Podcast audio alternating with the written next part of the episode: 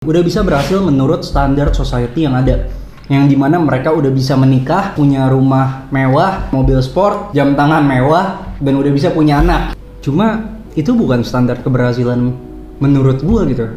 Hidup gua mungkin saat ini menurut gua nggak ada limit sih karena gua nggak deket sama orang tua. Gua juga nggak bergantung sama orang tua. Tapi lu ngebangun orang-orang yang labil kayak kayak kita masih di bawah umur 19 Iya, tahun. Namanya anak muda ya, hilang. Gue juga pernah hilang, diusir dari rumah segala macam ya. Pilihan satu-satunya adalah berhasil. Nggak ada pilihan lain. Eh, gue nggak pakai baju Java. Pakai baju ini nggak apa-apa. Apa lah. Hmm. Welcome to the Hustle Talk. Dari sini. Oh, gue nggak kelihatan ya. Enggak, enggak itu. Dari duluan. Salam hustler. Salam hustler. Boleh gue ikutan? Boleh dong. Andreas Peter Ang. Hmm. Welcome to the Hustle Talk. Yo, iya. Gila, ini Ini ini orang penting guys, karena yang bisa menyatukan kita itu gara-gara dia. Ya sebenarnya Peter ini tamu pertama yang kita undang di Hustle Talk ya. Betul, betul. Jadi memang ah, sebelumnya Java ini awalnya kan bisa gua kenal lu dulu baru lu kenal si Iya. Julio baru dipersatukan baru kita ada bonding di situ. Hmm. Betul, betul. Dulu kita udah bikin tim TSK inget ya? Hmm. Tim susu kacang bareng Kenny, 6 bla bla bla. Habis itu olahraga kita jarang ngobrol lagi ya. Lu gimana kabarnya, Bro? Baik sih, aman. Gue juga masih sering olahraga gitu. Cuma emang mungkin karena kita ada kesibukan masing-masing. Kayak Kenny, Ray, Nam, terus juga siapa lagi ya? Enrique gitu ya. Pada ada kesibukan masing-masing gitu. Gue juga ada kerja, ada marketing agency gitu. Kalian juga pada influencer dan ada pada punya bisnis masing-masing lah. Jadi kita kan susah ketemu kan. Yes, yes. Cuma kayaknya sih so far semua pada baik-baik aja ya. Kita semua masih berteman sampai sekarang. Masih pada aktif latihan juga kan. Nah, lu tuh sibuk apa sih, Bro?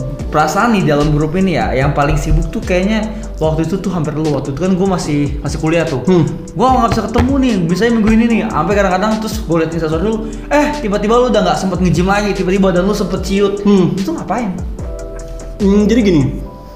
Jadi kalau saat ini yang gue jalanin itu gue bikin marketing agency. Cuma marketing agency ini kayak 360. Maksudnya 360 gimana? 360 jadi kita menghandle proses yang namanya creative production juga yang di mana bikin kontennya juga terus juga ngerencanain marketing strategi untuk usaha-usaha klien-klien kita terus juga consultingnya juga iya gitu di digital sama non digital lu berawal dari berapa orang kerja kayak gitu? berawal dari awalnya tiga orang awalnya awalnya itu gua sama sama temen gue yang gue udah temenan dari SMP kebetulan kan gue tinggal bareng sama dia kan nah sama satu lagi ada anak yang masih SMA baru lulus SMA cuma jago banget desain gue tarik lah Terus kenapa dia mau sama lu? Kok dia bisa mau sama lu sih? yang mana nih Ada anak anak SMA 18 tahun terus lu ajak gitu se se semau itu langsung gitu gimana? Jadi panjang sih ceritanya. Karena Da Vinci ini bukan pertama kalinya gue membuat sebuah usaha atau membuat sesuatu. Nah kalau di Da Vinci sendiri, Oke, kan- ah, sebelumnya gue potong. Kenapa lu bikin Da Vinci? kenapa gue bikin Da Vinci? Karena dulunya sebelumnya gue pernah bisnis-bisnis lain. Uh, usaha pertama gue atau yang kita sebut self employee lah ya, gimana kita bekerja diri sendiri untuk menghasilkan uang sendiri gitu. Bukan berbisnis ya, karena masih memperkerjakan diri sendiri. Itu pertama kali gue waktu SMA. SMA gue kurus banget, kemudian gue mikir, wah gue kurus banget nih, gue sering diledekin jelangkung, tiang listrik, terus orang-orangan sawah. Nah, gue nggak mau diledekin kayak gitu terus. Dan gue tahu kalau punya badan bagus itu, itu tuh bakal membuat kita lebih percaya diri.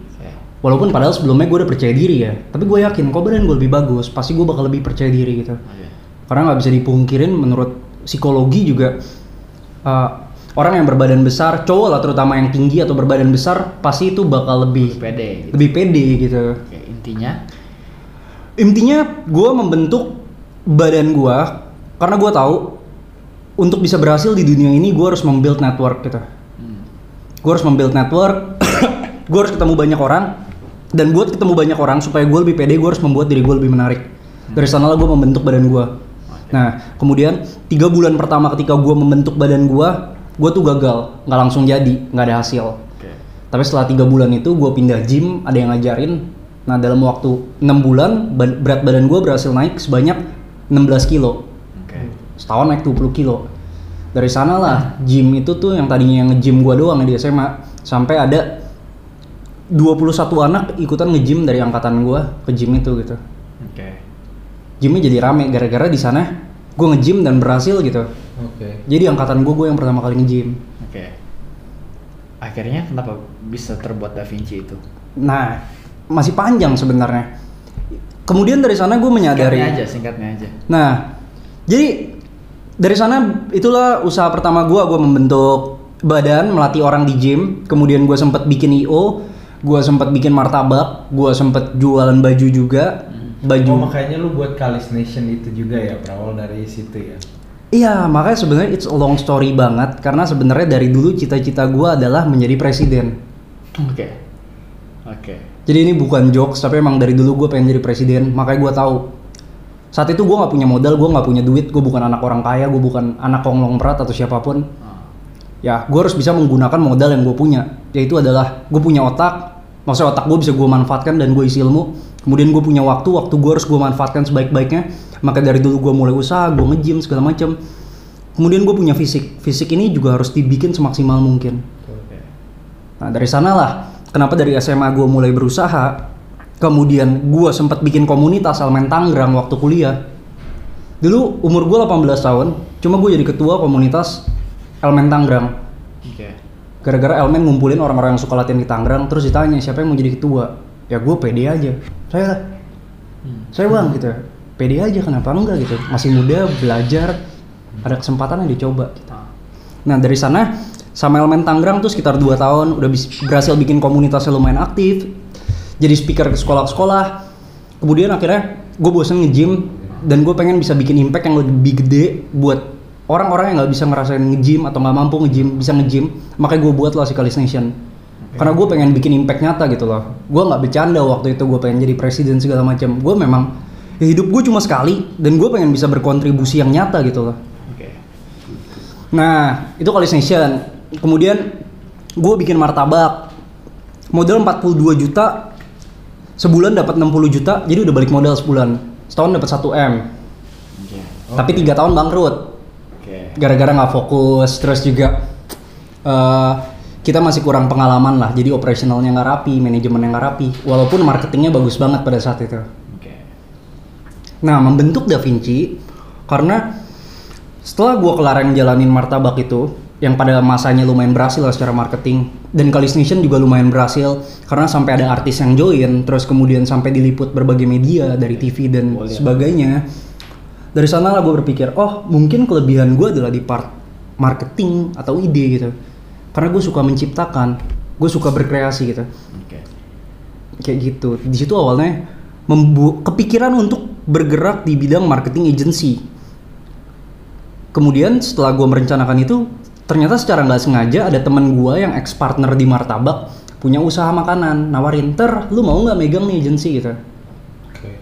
langsung aja oh yaudah boleh yuk. Mau nggak megang nih bisnis gue marketingnya? gitu. Dari sanalah si Da Vinci terbentuk. Terus karena waktu itu gue lagi serumah sama partner gue yang namanya Rinto kan dia ada rumah kan nah gue diajak lah tinggal di sana. Gue nyewa kamarnya. Tok mau nggak kita bikin eh, marketing agency? Nah dia mau tapi gimana toh? Kita kan nggak bisa desain. Jadi waktu gue ngambil tawaran itu padahal gue nggak bisa desain gue nggak bisa foto. Terus si Rinto bilang oh tenang ter gue ada temen yang bisa graphic design. Ya udah ajak join aja. Ya udah. Dari sanalah terbentuk si Lu, Da Vinci. eh, bokap nyokap lu gimana? bokap nyokap ya? Kok bokap nyokap itu pisah dari gue umur satu tahun? Bokap nyokap gue pisah dari satu tahun karena bokap gue playboy. Jadi nyokap gue mungkin nggak kuat ya gitu jadi dia pisah sama bokap gue dan gue ikut sama bokap dan nenek gue Jadi maksudnya lu mau ke mana aja it's okay gitu. Nggak belum nggak ada yang larang gitu. Biasa kan orang-orang kalau berkarya kan karena dilarang sama orang tuanya. Sedangkan lu free gitu loh, lu mau ngapain aja. hidup gue mungkin saat ini menurut gue nggak ada limit sih karena gue nggak deket sama orang tua gue juga nggak bergantung sama orang tua kalau ada masalah pun gue nggak bisa merengek sama orang tua Oke. Ya gue hidup dengan diri gue sendiri gitu dan gue bebas mau ngapain aja gitu. Oke. Good, good, good. Kayak gitu. Bagus sih ya.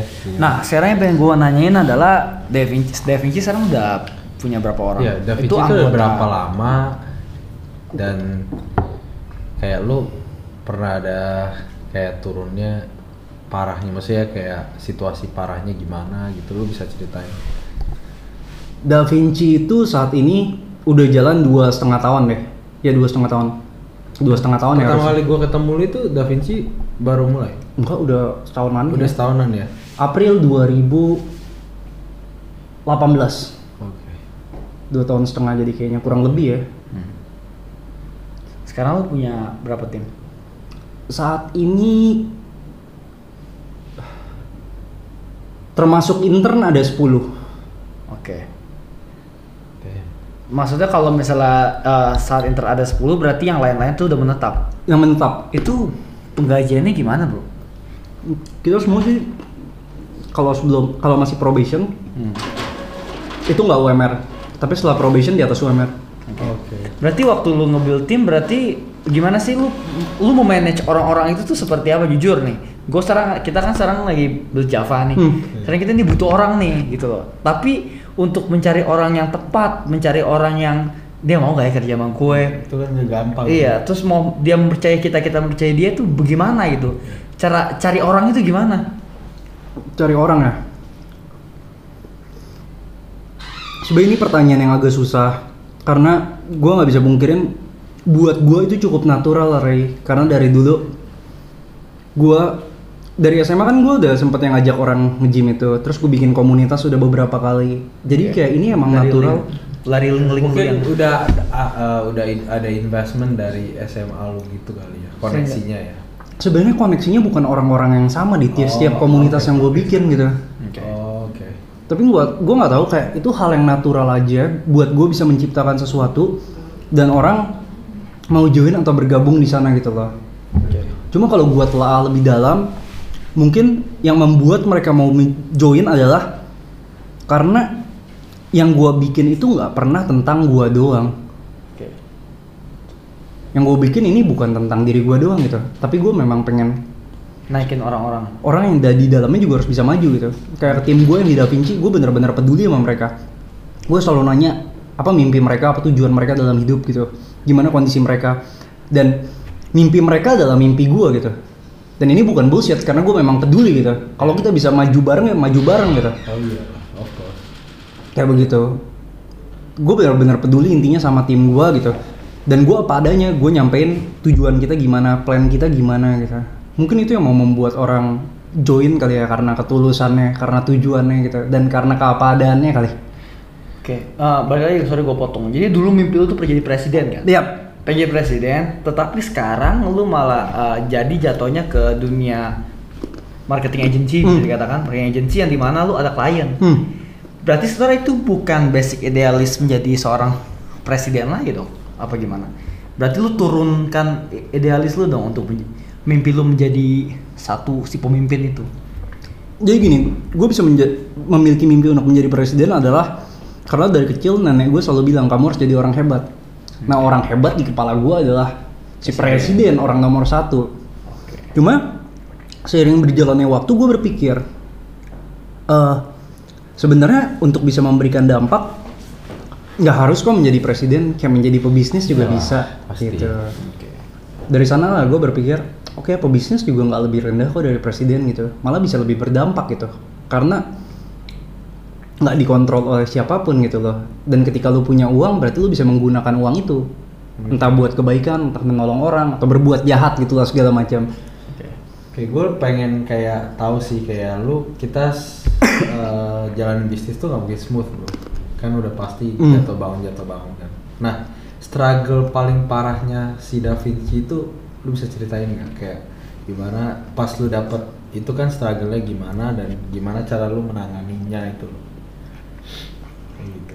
Kayak dulu gue Java juga sempet nol kan, Hmm. sempet gue ketemu lu makanya gue sempat olang aling sana sini lah Iya. cari cari solusi gitu. Nah, apakah Da Vinci pernah gak kayak gitu? Nah ini juga pertanyaan yang sulit buat gua. struggle ya hening lah Enggak, serius. Memikirkan struggle itu sulit banget buat gua. Karena semua perjalanan yang ada tuh gua nikmatin dan gua nggak bawa stres gitu loh. Bahkan ketika ada masalah itu itu adalah momen yang paling nikmat buat gua. Karena dari masalah itu gua belajar gitu. Cuma kalau dibilang yang paling jadi struggle adalah ketika orang terdekat gua, orang yang lebih hebat dari gua ya, tapi deket gitu, ibarat mentor atau apa pun itu meragukan atau menjatuhkan gua oke meragukan tujuan gua gitu atau gimana? Kayak nggak make sense ini nggak masuk akal segala macam. Lu lihat lah kiri kanan orang umur segini udah pada ngapain gitu segala macam. Lu pada ngapain gitu lah. Gua yang sekuat kuatnya gua ya dan percaya dirinya gua terhadap tujuan gua dan plan gua sometimes juga masih bisa kegoyah tergoyah gitu. Gue bisa relate itu sih karena di apa ya di hidup gue juga gue bisa kayak gini itu semua basically karena dari sisi gue sendiri stubborn kan. Hmm. kita stubborn sama diri kita sebenarnya samping-samping kita juga gue juga ada ya orang terdekat gitu bisa dibilang mentor juga karena dia lebih tua daripada Hmm. gue lebih berpengalaman juga sering gitu gue kena lu yakin kayak gini ya lu marah bisa bla bla bla tapi Hmm. balik lagi yang bisa lu tunjukkan mereka ya bukan kata-kata tapi aksi kita gitu, Iya. sampai sekarang gitu kan gitu sih Terus? cuma gua berasa emang gua emang butuh struggle untuk menjalankan Iya. bisnis kan. Kalau gua tidak struggle gua mungkin nggak ketemu dia mungkin kita nggak Iya. bisa ciptain ini kan. Kayak gitu sih. Coba yang mau gua tanya dari lu tuh kayak eh, untuk menurut gue ya marketing agency itu prosesnya akan susah banget. Istilahnya lu kalau nggak dapet klien Simpang nggak ada produk lah istilahnya. Lu kayak memberikan service aja. Kan pernah gak lu sampai kayak megang cuma satu atau dua lu harus nombok gaji tim lu lah atau apa gitu lu pernah gak sampai kayak gitu? Belum pernah ya? Yang menarik dan lucunya itu ketika si agency ini dimulai bahkan gua nggak punya laptop gua nggak bisa desain dan gua nggak bisa foto dan bahkan nggak bisa video. Oke. yang gue punya cuma pengalaman gua pengalaman gua dan tujuan gua untuk membuat si marketing agency yang bagus itu lah Bagaimana lu bisa meyakini orang yang sebenarnya lu nggak ngerti, tapi lu bisa yakin orang yang ngerti supaya kerja sama sama lu terus dia mau sama lu. Gue lihat kayak banyak banget sih siapa Leonard ya, Hmm. dia sampai rela nggak kuliah lagi demi bekerja masuk ke tim Da Vinci gitu. Apa- gimana itu? sebenarnya gua nggak pernah ngomporin dia untuk berhenti kuliah gitu yang yang ngomong itu adalah Rinto partner gue yang satu lagi nih. Oke. waktu itu si Leo datang mau belajar karena kebetulan kita ada kenalan lah. Dia waktu itu masih SMA dan gue ngeliat Leo ini semangatnya tinggi banget perfeksionis banget. Gue tahu gitu. Gue bukan manusia yang sempurna dan gue butuh partner macam Leo. Di sanalah uh, dia mau belajar ya udah dia coba belajar. Kemudian mungkin ketika dia belajar dia benar-benar mendapatkan sesuatu hal yang dia nggak dapatkan di sekolah. Dan mungkin dia percaya dengan tujuan kita gitu loh. Dengan visi dan misi kita. Di sanalah mungkin dia ketika dia masuk kuliah dia mencoba menjalani dua-duanya sampai akhirnya Rinto ngomong Leo harus pilih salah satu gitu. Dan mungkin di sana Leo milih Da Vinci karena Leo merasakan di Da Vinci dia le- belajar lebih banyak dibandingkan di bangku perkuliahan. Dan juga mungkin Leo yakin banget dengan tujuan kita dan tim kita gitu loh Leo punya keyakinan dan pasti punya pertimbangan kenapa dia memilih si Da Vinci.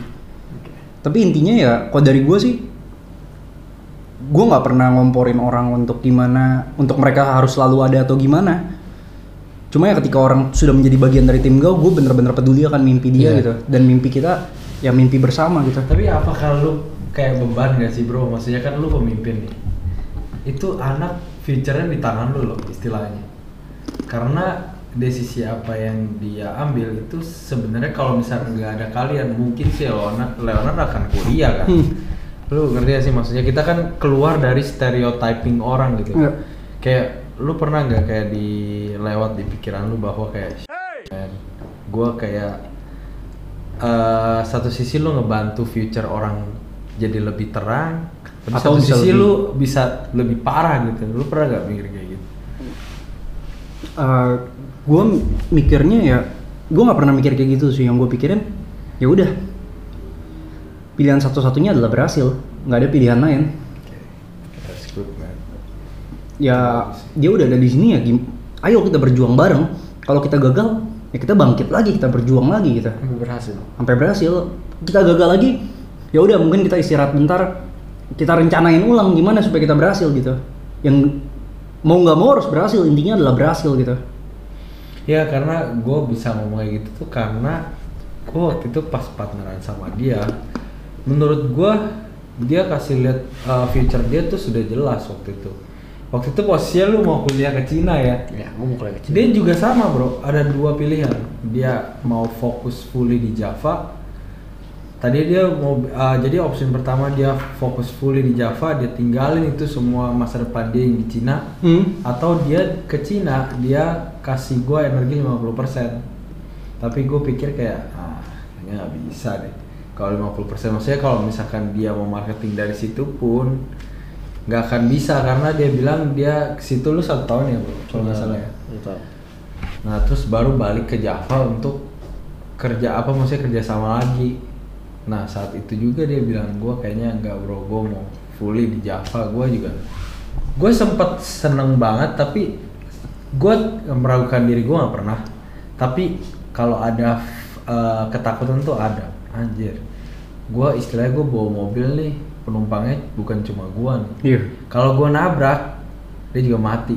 Gitu loh. Gue gue sempet banget kepikiran itu. Makanya gue setiap desisi yang gue buat di Java itu juga gue memikirkan partner gue dan gue yakin si dia juga memikirkan gue gitu. Makanya makanya kenapa kita kayak banyak sih yang nanya kita kayak kok kalian bisa ya sevisi banget? gitu loh.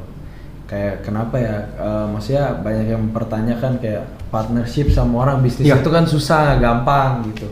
Makanya gue bilang aja ya basically itu semuanya lu harus susah bareng dulu sih menurut gua. Di saat lu susah bareng itu lebih nyambung ya bro ya. Maksudnya kalau lu sukses maksudnya lu kalau misalnya gua sukses ketemu orang sukses biasa aja gitu cuma kalau susah bareng tuh bener-bener bisa tahu karakter kita masing-masing bisa ngeblend kita jadinya Intinya sih sebenarnya yang gue pikirkan adalah sebenarnya gini. eh, lu sama umur berapa sih? kenapa Umur berapa sih lu? 25 Gimana lu ngelihat orang yang umur 25 ternyata dia tuh udah sukses sama bisnisnya, Iya, Bro. yang udah punya uang banyak. Lu Karena kan di sosial media selalu kayak gitu ya. Kita Ah. kayak gue baru belajar bro, namanya itu monkey mind. Jadi monkey mind itu kita berpikir layaknya monyet. Jadi kita selalu compare, selalu ingin paling atas dan lain-lain lah, layaknya manusia sekarang gitu kan. Lu kalau lihat di sosial media gitu kan kita kayak banyak comparison ya, kayak umur Monkey 25 ada yang udah punya berkeluarga, ada yang punya rumah lah gitu-gitu. Kayak buat lu tuh gimana gitu, dari persepsi lu? buat gue mereka keren banget pastinya Ya. Karena di umur yang masih muda gitu atau bahkan banyak yang lebih muda dari kita kali ya Iya. udah pada ber- bisa berhasil udah pada udah pada bisa berhasil menurut standar society yang ada Betul, Betul. Menurut saya. nah gue garis bawah itu udah bisa berhasil menurut standar society yang ada yang di mana mereka udah bisa menikah udah bisa punya rumah mewah udah bisa punya mobil sport jam tangan mewah dan udah bisa punya anak. Nah itu kan standar society seperti itu kan. Keberhasilan adalah seperti itu. Cuma itu bukan standar keberhasilan menurut gua gitu. Standar keberhasilan menurut gua adalah sesuatu yang berbeda Dan jalan yang gua tempuh juga berbeda gitu. Oke. Bagus kok mereka udah berhasil. Cuma gua tahu gua juga bakal berhasil gitu Tapi dengan cara gua gitu. Oke. Dan gue support kok keberhasilan mereka gitu. Tapi gue jalanin diri gua aja gitu. Gue lakukan yang terbaik tanpa mikirin apa yang mereka lakukan gitu. Paling ya belajar gitu. Cuma nggak harus gue menjadi mereka atau gue depresi karena ada yang berhasil atau gimana gitu. Gue sih gitu sih. Gue nggak comparing gitu. Gue jalanin dan gue belajar aja dari yang udah berhasil. Oke bro, sekarang udah ngomong kayak gitu, gue pengen tahu kayak lima tahun ke depan Da Vinci Yes. itu apa gitu. Lu bisa figure it out ya kayak lima tahun ke depan, menurut lu Da Vinci itu bakal seperti apa? Sebenarnya sebanyak orang yang ingin membuka bisnis tapi sebenarnya yang dia tahu adalah cari uang. Hmm. Tapi sebenarnya dia nggak tahu lima tahun lagi ke depan tuh jadi apa. Nah, lu as a teman kita yang memang ya gue tahu perjuangan lu berjuangnya bareng. Gimana cara lu ngelihat bahwa bisnis lu lima tahun lagi ini bakal jadi apa nih ke depannya? gimana cara lu memberitahuan ke orang-orang nih bisnis lu juga bisa sama kayak gue asalkan punya visi lima tahun ke depan nih gitu loh Hmm. Sebenernya gue, tato gue aja namanya di punggung ini guided by vision. oke Salah satu satu-satunya anchor dalam hidup gue adalah visi gue. Itu cuma pegangan gue karena gue bukan orang yang religius atau gimana ya. Visi gue adalah Da Vinci ini sebenarnya cuma stepping stone. oke Da Vinci tempat belajar, tempat di mana bisa membantu bisnis-bisnis lain. At the end, gue bakal punya banyak bisnis gitu. Dan Da Vinci adalah senjatanya, karena Da Vinci adalah marketing agency yang mana di sini kita udah belajar gimana cara cara main di industri ini gimana, cara berhasil di industri ini gimana, cara berhasil di industri ini gimana, cara berhasil di industri ini gimana, cara berhasil di industri ini gimana. At the end kita bakal berpartner sama di industri yang kita mau masukin kita berpartner entah dengan klien kita atau dengan orang lain gitu. Modal kita adalah si marketing agency yang at the end kita bakal own banyak bisnis. Kayak gitu visinya seperti itu. berarti sebenarnya lu tidak membangun brand tapi brand pasti akan kecanduan sama lu Tuh. itu yang yang buat Dan jadi mau tidak mau Java aduh kayaknya gue butuh dia Da Vinci supaya marketing gue naik gitu gak sih betul. itu yang Dan, lu buat dan selama ini yang terjadi pun kita nggak pernah hard selling nawarin kayak nge-DM orang, bro pakai pakai ini yuk, bro ini yuk gitu. Banyak kan pasti kalian pernah dapet kan, Iya, bro iya, kita iya. ini. Sekarang pun gue dapet ya. Iya, kita kita nggak pernah melakukan kayak gitu. Kita cuma melakukan yang terbaik. Kita fokus sama klien kita dan klien kita ya kita anggap bisnis sendiri. Mereka pusing, salesnya drop, kita pusing juga gitu. Terus uh, uang-uang itu sebenarnya yang dia kasih cukup gak sih buat lu ngebayar tim? Lu gimana sih ngebayar tim supaya tim tuh bisa sekuat itu sama lu? Iya, karena karena menurut gua ya em, eh, di mana company yang eh, sehat itu lu punya tim nih. Lu tidak hanya kayak bayar-bayar doang, pasti lu mau mereka juga prosper juga kan. Iya. Itu gimana cara kayak lu manage Iya, itu? Kalau boleh tau sistemnya tuh gimana? Sistem bagi hasilnya tuh ya gimana sih? Eh, kita tim kita itu mendapatkan salary kok. Kita memberikannya salary gitu. Dan di tiga bulan awal biasa ada yang namanya probation. Probation tuh pasti below UMR, tapi setelah probation di atas UMR gitu. Kita yang namanya bonus juga ada bonus tahunan dan kenaikan gaji juga kita ada dan kita nggak mengikuti kenaikan gaji yang ada di Luaran. Luaran yang cuma sekian 5%, satu persen, dua persen gitu. Kita ya lu lu bisa bring apa ke table? Kalau lu bisa bring uh, something big to the table, ya lu deserve something big juga. Berarti kalau nggak deserve apa pun, lu nggak dapat apa pun dong setiap bulan. Betul. Bukan nggak dapat apa pun, kan ada yang namanya salary kan. Maksudnya kalau dia mau rene- renegotiate the salary gitu. Dia harus intinya lu kalau mau hidup enak lu harus usaha keras lah ya. Betul gitu.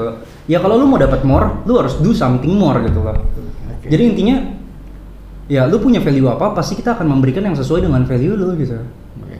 Dan di sini bukan cuma money yang kita berikan. Di sini juga kita menjadi keluarga baru. Kita orang tim tuh balik nggak selalu jam 6 bubar kok. Kita kadang baru balik jam 8, jam 9, kita ada latihan dulu, dulu kita ada nonton Netflix bareng dulu. Sering lihat ya. Kita ada Holy Wings rumahan dulu gitu. Main-main. Sometimes mabok bareng dulu gitu. Ya di sini gue bukan ibarat gue nggak ngebuat sebuah company, tapi menurut gue adalah gue membuat sebuah dunia baru gitu loh. Yang dunia baru ini uh, membantu dunia-dunia lain. Karena gue menganggap Java adalah dunianya sendiri gitu. Da Vinci adalah dunia sendiri. Gimana kita bisa berkontribusi terhadap dunia yang lebih besar ini gitu. Diam-diam kayak preman, otaknya panjang ya. Iya. kayak gitu jadi kayak gitu sih Da Vinci is not a brand Da Vinci is life gitu Oke. Renta- rencananya lu mau ngapain lagi abis itu? Tapi lu ada certain target gak sih? Ntar kayak lu Iya, mau sampai itu. kapan gitu Da Vinci kayak gini kayak lu harus stepping stone kan kayak gua eh, sama Aldi ini kan sekarang kita udah buat ruko ya. Turns out kalau misalnya emang demand kita besar lama-lama kita udah gak nyaman nih kalau di sini kan. Kita eh, di bawah tiga bulannya kita udah harus mikir udah punya tim. Oke. Gue ngomong optimis deh, tiga bulan apa enam bulan ke depan, misalkan tim udah mulai penuh, udah yang nggak bisa dikontribusi lagi si rukonya ini gimana gitu kayak kita udah set up certain target gitu kayak lu ada gak kayak target kayak Da Vinci nih Ada. misalkan mau sampai kapan nih begini gitu Eh, akhir tahun ini atau awal tahun harusnya kita udah going legal Oke. Going legal. going legal maksudnya kita udah jadi PT or something karena saat ini masih belum masih Oke. pribadi jatuhnya jasa Oke. pribadi nah terus kemudian hmm, sebenarnya kita udah starting uh, developing another business gitu Oke. ini udah ongoing dan udah ada di bisnis lain juga yang kita mendapatkan share gitu Oke. cuma gue nggak bisa mention Oh iya, jadi nggak apa-apa. jadi sebenarnya plannya memang di quarter 3 tahun ini kita udah mulai own other business Oke. dan itu sudah terjadi di tahun ini Oke. jadi sebenarnya bisnis yang kita develop saat ini bukan Da Vinci doang tapi ada bisnis lain Oh jadi lu sekarang udah mulai ada produk ya sekarang tidak hanya service doang. ya? betul cuma nggak menggunakan nama Da Vinci menggunakan nama lain, lain. gitu jadi kayak gitu Hmm. jadi Da Vinci itu sebenarnya stepping stone dan senjata kita buat perang kita mau pilih nanti perang di mana yang penting kita Punya matengin senjata senjatanya. nih iya. Ntar kita pilih mau perang di industri mana industri mana industri mana begitu Ya, bisnis kayak perang. Dia businessman, the real businessman. Kita semua juga the real business Iya. bro. Ah. Cuma beda aja kayak lu Iya. eh, orang kadang berbisnis itu ada yang bener-bener semua mikirin untung untung untung. Nah yang gue lihat dari Aldi itu orangnya nggak semuanya untung itu ngebuat dia happy. Jadi dia lebih mikirin ke art si bisnisnya kayak karakter si bisnisnya harus dibuild Yep. gimana biarpun si karakter itu dibuild kita nggak bisa dapat untung yang Gede. segimana banget gitu.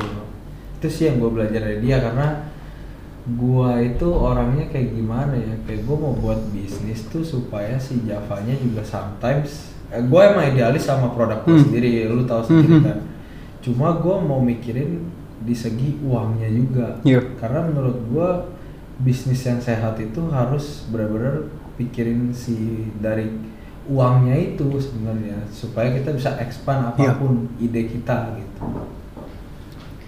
Lu punya pesan apa gak buat anak muda yang buka bisnis? Gua eh, sebenarnya bukan pesan ke anak muda, tapi gua mau yang ke soal tim dulu. Gara-gara Oke. kayak ini ada yang pas banget.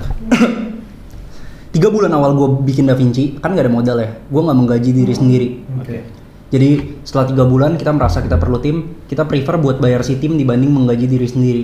Oke. Terus dari bulan keempat sampai enam pun, gue dan partner gue ini cuma membayar diri kita sendiri gope. Oke. Nah, dan total selama seumur hidup Da Vinci ini dua setengah tahun, uang yang gua dan partner gua dapatkan sama yang si tim yang pertama kali kita rekrut Lebih besar. lebih besar si tim yang pertama kali kita rekrut. Oke, makanya bro sampai sekarang ini kita bingung kenapa kita datang sama lu karena itu kita udah jalan enam bulan tapi Hmm. belum ada gaji yang kita ambil. Hmm. Tapi sementara kalau kita mau ngomong kayak gitu, kita mikir ke orang datang tapi lu orang datang gimana kita gaji lu, kita aja belum gaji diri sendiri, gimana cara mensiasati itu loh, gitu loh. Apa apakah kita harus pikir bahwa karyawan yang akan datang itu adalah sebuah aset? Akhirnya kita sama aja, sama kayak kita bayar kulkas jadi kita bisa makan, tapi kita harus bayar listrik per bulan gitu loh. Apakah gimana? Apa jalan yang benar tuh seperti apa gitu loh untuk untuk memanage itu gitu loh? Ya karena kita jujur aja, kita juga sama. Hmm. Jalannya sama kayak lu. Mungkin karena kita terlalu cinta sama se- uh, Si- mimpi kita Hmm. yang untuk membesarkan si branding ini. Makanya kita give up diri kita, turunin ego. Gua nggak peduli, gua nggak Iya. digaji. Yang penting si Java bagus nih. Jadi kayak perbedaan kita sama lu adalah ketika lu nggak bisa desain, lu panggil orang tim aja kerjasama gimana supaya dia percaya sama lu kerjasama. Gua nggak bisa desain, beli laptop, download desainnya, kita belajar Iya. sendiri desainnya. Jadi itu basicnya sama. jalurnya aja yang Iya, caranya beda. Nggak bisa desain, AI, bikin AI latihan sendiri. Jadi gua- video, bikin edit edit sendiri, syuting syuting sendiri gitu loh. Gue kan kayak lu Tar, jadi gue nggak bisa desain. Awalnya tuh gue cuma otak scratch kayak orang tolol, makanya orang tuh nggak percaya gue punya bisnis fashion. Hmm. Karena gue sampai sekarang aja gue nggak bisa gambar bro. Cuma otak gue tuh kayak gini, gue selalu ide gue selalu ada, tapi gue gambar ya layaknya anak TK gambar baju, gue kasih tau nih logo di sini, harusnya gimana gitu. Gue oper ke orang desain, tapi lama-lama gue capek juga karena eh gue udah mulai perputarannya cepet nih. Hmm. Gue butuh desain cepet. Nah, si orang ini kan gue outsource dan dia pasti megang brand-brand lain kan untuk ngedesain juga. Alhasil gue harus nunggu satu desain bro dua minggu. Akhirnya gue capek, gue bilang dia gue capek nih eh, kerja, gue gak pernah pakai laptop, kita nggak pernah gaji diri kita ya.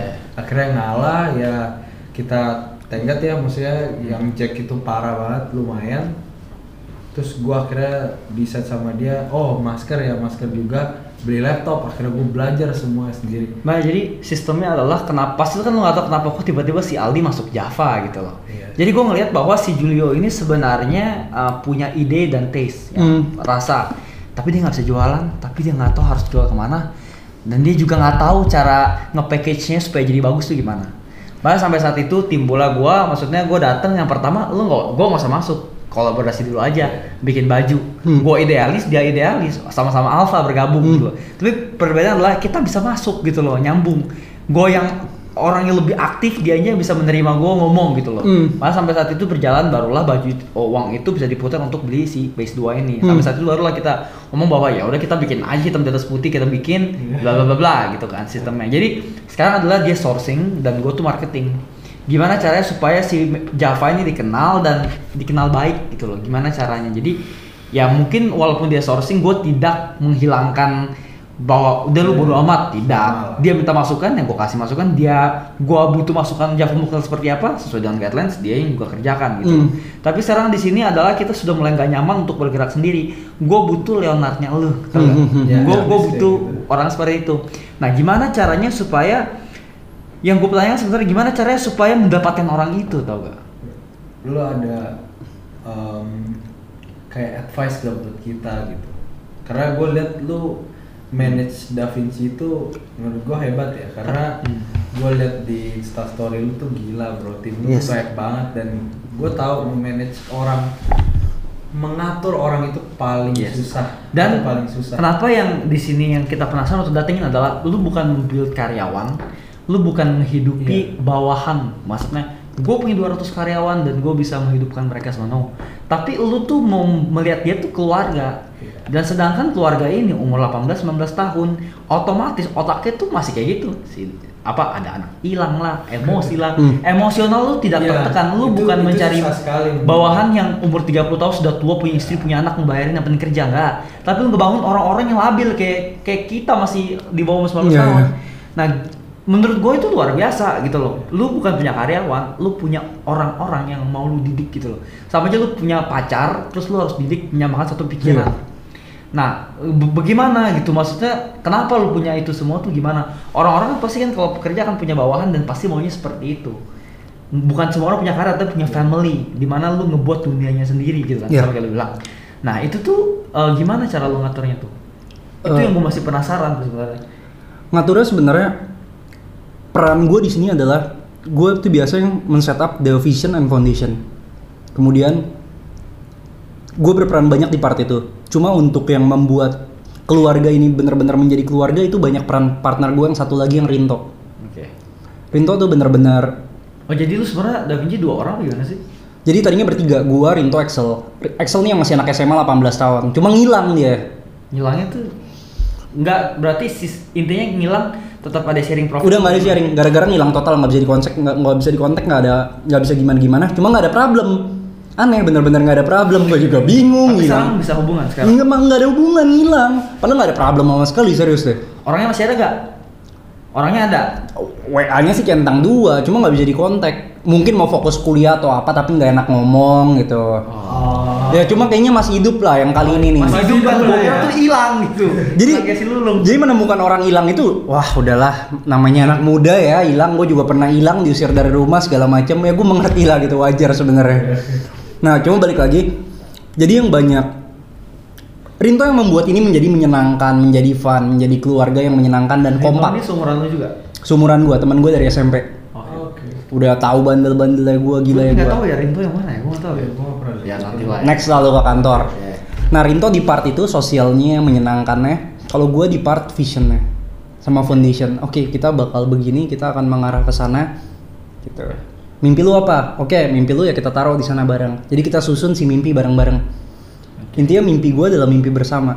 Mimpi mereka adalah mimpi gue. Key pointnya itu sih kalau dari gue.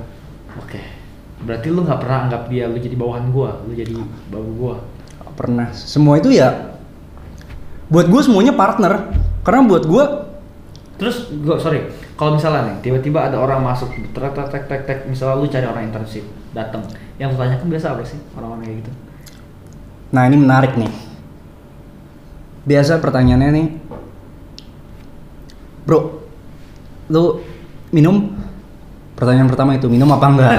Rokok apa enggak? oke Terus berikutnya, lu udah pernah kawin apa belum bro? oke Terus berikutnya, bro masih punya agama nggak bro? Gitu. A- apa apa maksud lu bertanya itu semua Sebenarnya buat sebenarnya buat chill aja sih biar out of the box sebenarnya mau mereka punya agama apa enggak bebas gitu mau mereka udah merokok apa eh merokok apa enggak bebas mau udah kawin atau week week gitu ya bebas gitu. buat mencairkan suasana aja. Oke. Selebihnya ya kita biasa bakal ada masa probation di mana kita ngelihat ini anak nyambung nggak sama culture kita? Culture-nya kita yang fun tapi harus tetap profesional gitu. Jadi at the end bakal ketahuan ya ketika sudah menjalani. Biasanya lu kasih probation berapa lama bro? probation tiga bulan. Tiga bulan yang di low UMR itu oh sorry. Lu tuh lulus kuliah apa nggak sih? Gue nggak gue tinggal skripsi gue nggak kelarin. Oke. Tapi uh, anak-anak kerja lu semuanya hampir semuanya lulus kuliah atau ada yang lulus kuliah atau ada? Uh, Ada yang lulus kuliah gak? hampir semuanya lulus kuliah UMN UPH Oke. Gimana dia bisa mempercayai lu yang tidak lulusan kuliah, terus dia mau kerja sama sama lu? gue juga bingung sih. Banyak temen gue yang jauh lebih kaya yang bapaknya juga kaya banget gitu segala macam. Tapi mau bergabung ke tim ini dan mau gimana kita membuild si mimpi ini bareng-bareng gitu gue bukan anak orang kaya bro gue bukan juga lulus juga kagak jenius juga kagak IP tinggi juga kagak gitu ya gue cuma punya mimpi dan gue bakal berjuang mati-matian buat capai itu gitu Oke, itu cukup menjawab sih. Udah. Udah cukup. Ya bro, last question buat gua. Impact apa yang lu mau uh, buat di dunia sebenarnya? Dan lu belum tercapai sampai sekarang. Ya. Impact apa? Dari dulu pokoknya sektor yang akan gue masukin adalah empat pendidikan, pariwisata, kesehatan. Tiga Oke. berarti, tiga gue lupa. pendidikan, pariwisata, kesehatan gitu. Buat Indonesia gue pengen banget majuin pariwisata Indonesia, makanya gue suka bikin estetik atau beautiful traveling video gitu. Itu someday gue harus mencari enough wealth atau enough money supaya gue bisa traveling dan mempromosikan daerah seluruh Indonesia nih. Itu di bidang pariwisata. Di bidang kesehatan, gue pengen banget Kalis Nation atau street workout apa pun tuh ada di semua sekolah atau tiap gang. Jadi semua orang punya akses buat berolahraga dan punya badan bagus. Dan pasti di tiang itu bakal ada geng yang badannya jadi pasti bakal jadi satu panutan misalnya gitu. Betul, itu wajib banget. Gue pengen inspire orang supaya mereka kalistenik. Supaya semua orang bisa berolahraga dan punya badan ideal. Oke. To make Indonesian society healthier, sexier, stronger gitu. Oke. Itu yang kedua di kesehatan. Pendidikan. Gue pengen ngasih tahu kalau cara cara belajar itu nggak selamanya dari sekolah. Lu bisa belajar dari mana aja, men. Lu bisa belajar sama tukang parkir. Lu bisa belajar sama preman. Kenapa mereka bisa sampai jadi preman? Kenapa mereka bisa jadi tukang parkir? Sama pejabat, sama segala macam. Lu bisa belajar dari keberhasilan dan kegagalan orang.